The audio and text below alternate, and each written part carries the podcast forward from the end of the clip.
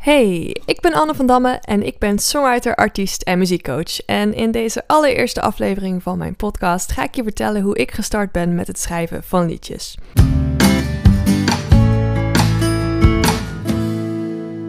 Ik neem je even mee terug in de tijd naar hoe ik als kind mijn eerste stapjes zette in de wereld van het schrijven.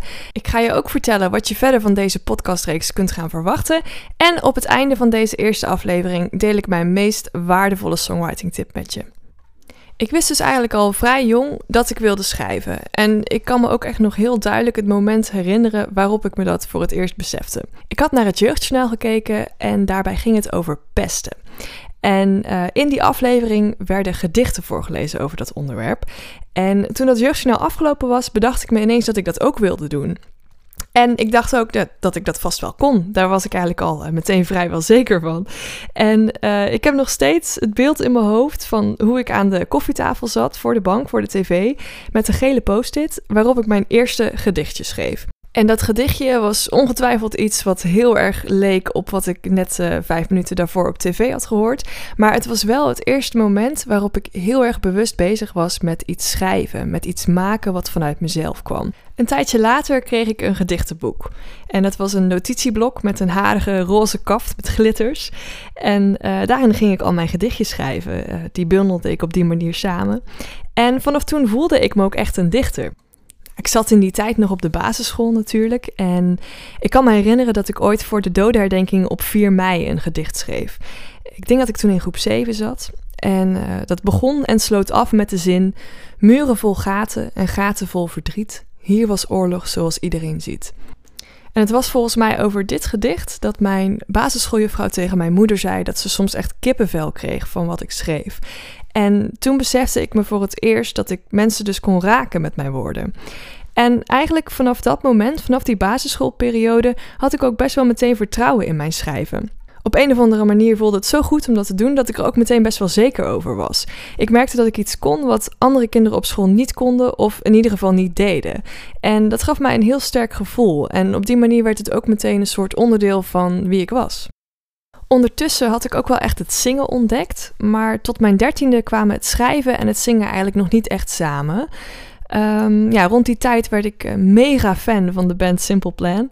En uh, ja, daar was ik echt gewoon totaal verliefd op. Ik was echt geobsedeerd. Ik wist alle verjaardagen van bandleden en ik draaide iedere dag de cd's meerdere keren. Ik kende ieder liedje echt van top tot teen. En dat zorgde er ook voor dat ik zelf dat soort muziek wilde gaan maken. En in die tijd speelde ik klassiek hobo bij de muziekschool. Maar daarbij kon ik natuurlijk niet tegelijkertijd zingen. En ik wilde gewoon de liedjes van mijn idolen kunnen spelen. En daar past een hobo natuurlijk totaal niet bij. Voor mijn dertiende verjaardag vroeg ik een gitaar. En omdat ik al noten kon lezen, kon ik mezelf eigenlijk vrij snel van alles aanleren. En toen kon ik voor het eerst het zingen, spelen en schrijven echt gaan combineren. En wat denk ik belangrijk is in mijn verhaal, is dat ik dat ook daadwerkelijk meteen ging doen. Uh, ik kon eigenlijk nog maar een paar akkoorden toen ik mijn eerste liedjes al schreef. En dat leek eerst natuurlijk nog heel erg op de koffers die ik op dat moment ook leerde spelen, maar het begin was gemaakt. En ik denk dat dat een hele natuurlijke manier is van leren spelen en schrijven. Dat je eerst kijkt hoe anderen het doen en dat je dat dan na gaat doen. En hoe meer je ermee bezig bent, hoe meer je een eigen stijl gaat ontwikkelen. Ik denk dat je het ook wel kunt vergelijken met uh, een vocabulaire. He, hoe meer woorden je kent in een bepaalde taal, hoe meer je kunt vertellen. En zo werkt het volgens mij ook in muziek. Dus hoe meer muzikale woorden jij kent, hoe meer akkoorden, hoe meer uh, melodieën, hoe vrijer je daarin wordt, um, ja, hoe beter je liedjes ook worden. Grappige is dat ik ook in deze periode uh, een heel specifieke plek had waarin ik uh, mijn liedjes schreef. Dit keer was het een paars mapje en uh, daar hield ik heel zorgvuldig al mijn songs bij elkaar.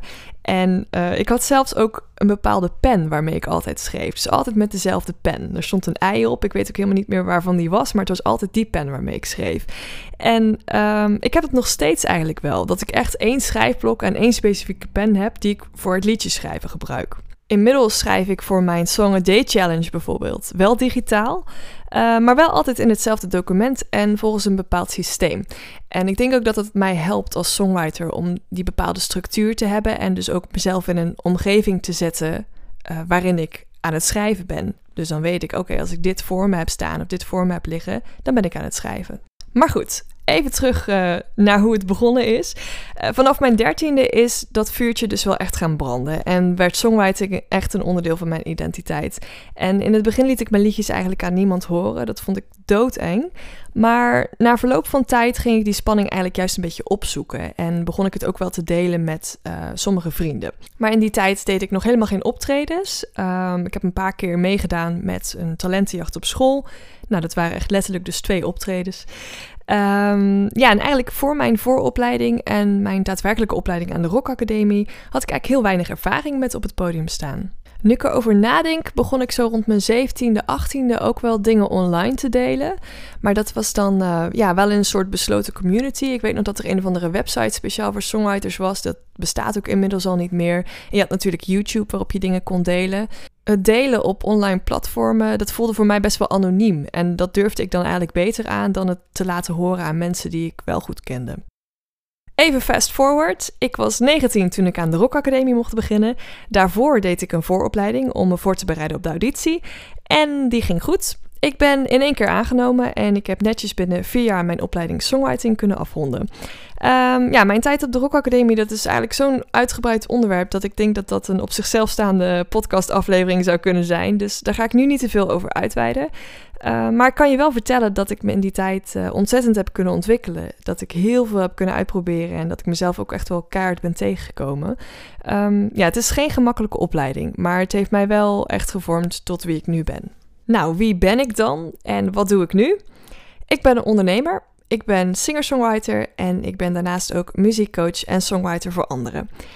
En je vraagt je misschien af waarom deze podcast interessant voor jou kan zijn en wat ik hier allemaal in ga behandelen. Nou, ik hoop je vooral te gaan inspireren tot meer schrijven en tot meer creativiteit. En dat wil ik doen door kennis en ervaring te delen van mezelf, maar ook van andere songwriters. Eigenlijk is deze podcast ook een klein beetje een excuus voor mezelf om meer onderzoek te doen en meer met andere songwriters in gesprek te gaan. Songwriting is een ontzettend grijs gebied en iedereen heeft er zo zijn eigen ideeën over. En je kunt het ook niet per se goed of fout doen. Hè? Als je zingt kan je heel duidelijk horen, nou deze noot is vals. Dat is dan niet goed. Uh, maar bij songwriting is het lastig om daar heel duidelijk een lijn in te trekken.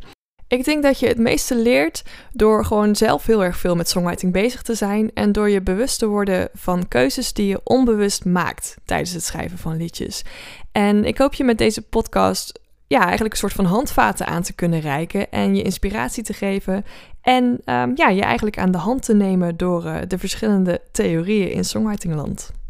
Ik ga deze eerste aflevering bijna afsluiten, maar niet voordat ik je een van mijn allerbelangrijkste tips heb gegeven. En die tip is: wees niet kritisch op jezelf. Verwacht niet dat iedere keer dat je ervoor gaat zitten om een liedje te schrijven, dat je dan meteen een wereldhit gaat maken. Niet alles wat je maakt hoeft meteen goed te zijn en niet alles wat je maakt zijn dingen die je op lange termijn wilt gebruiken. Dus schrijf eigenlijk gewoon puur voor het schrijven. Zie het als oefening, zie het als training en uh, maak je songwriting spiertjes los. En laat daarbij ook echt los. Wees eerst creatief en daarna pas kritisch. Dus zorg dat je eerst iets schept en ga daarna pas bijschaven. Podcast nummer 2 gaat volledig over het loslaten van die inner critic en waarom je dat zou willen doen en wat voor resultaten dat gaat opleveren. Voor nu heel erg bedankt voor het luisteren. Als je vragen of ideeën hebt of je zou graag een keer meepraten in de podcast, laat dan vooral een reactie achter of stuur me een berichtje op info@annevandammemusic.com. Voor nu een hele fijne dag en veel schrijfplezier.